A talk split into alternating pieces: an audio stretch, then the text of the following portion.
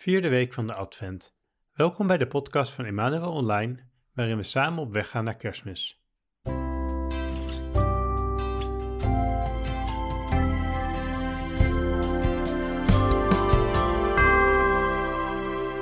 Het is bijna Kerstmis. En net als vorig jaar wordt het door de maatregelen anders dan we gehoopt of gewild hadden. En ik denk dat dat ook wel een beetje voor Maria en Jozef gold.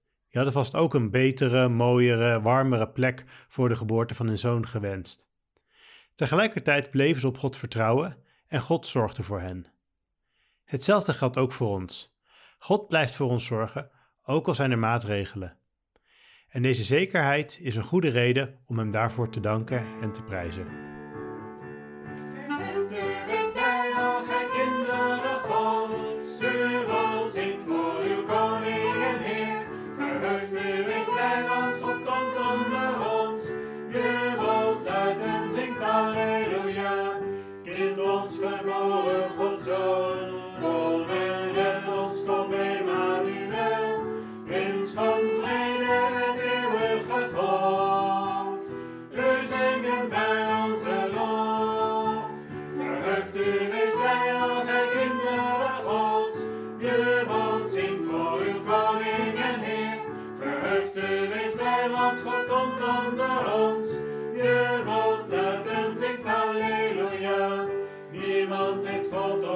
sky.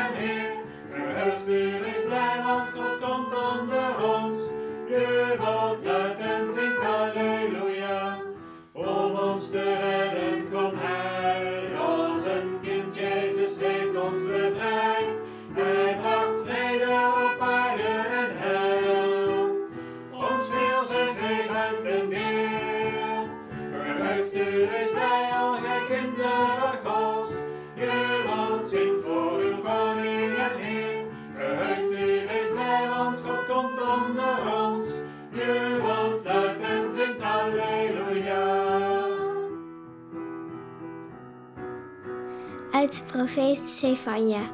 Jubel, dochter Sian, Israël juich. Verheug en verblijd u met heel uw hart. De Heer uw God is binnen uw muren, een reddende held. Hij zal opgetogen zijn van blijdschap om u en zijn liefde opnieuw laten blijken. Zingt een nieuw lied voor de Heer, zingt voor zijn heilige naam. Looft hem in ieder land. Van vreugde en juicht, bezingt hem alles wat leeft. Zingt Alleluia. Jezus komt in ons hart, als een licht in de nacht.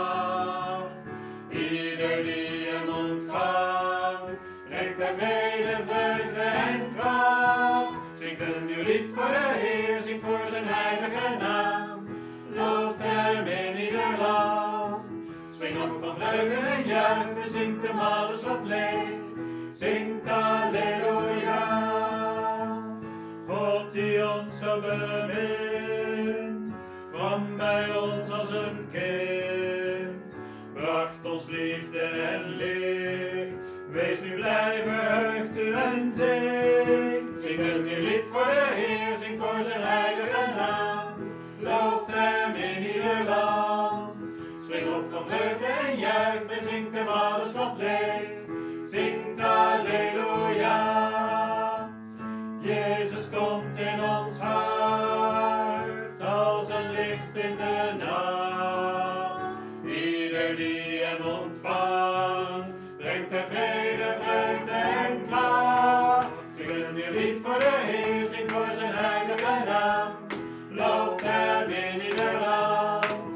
Op van vreugde en juich, bezingt hem alles wat leeft. Zingt Alleluia.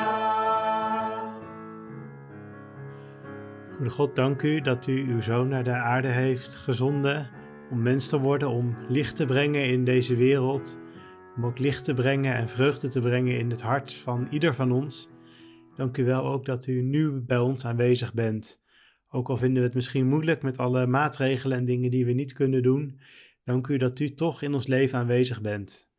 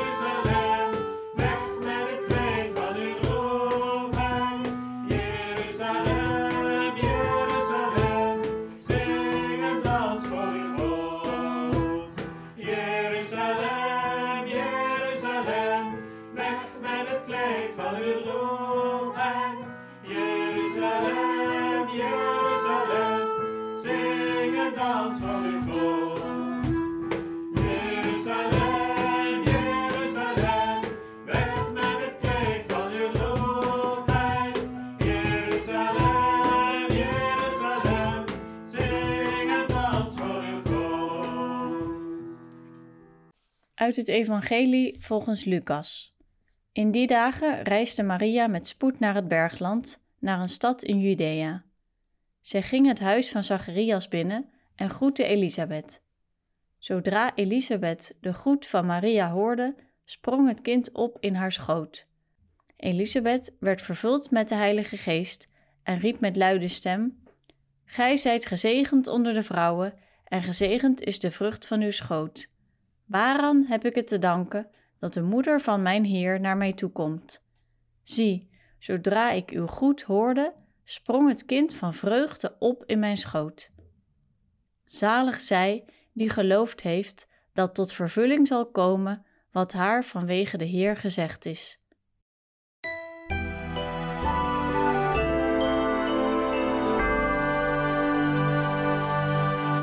Twee vrouwen ontmoeten elkaar.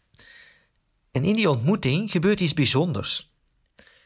Van binnen ervaart Elisabeth dat er met Maria iets heel speciaals aan de hand is. Ze merkt dat doordat Johannes de Doper van vreugde opspringt in haar schoot. In haar ziel ervaart Elisabeth de vreugde van de Heilige Geest. Hier is niet alleen maar een ontmoeting van twee zwangere vrouwen, maar ook van de twee ongeboren kinderen, Johannes de Doper en Jezus. Sterker nog, hier vindt een ontmoeting plaats van mens en God. En dat gebeurt allemaal heel onopvallend. Niet in de hoofdstad Jeruzalem, maar ergens in het bergland van Juda, in een stadje waarvan Lucas niet eens de naam vermeldt. En niet in het openbaar, maar in de beslotenheid van het huis van Zacharias en Elisabeth.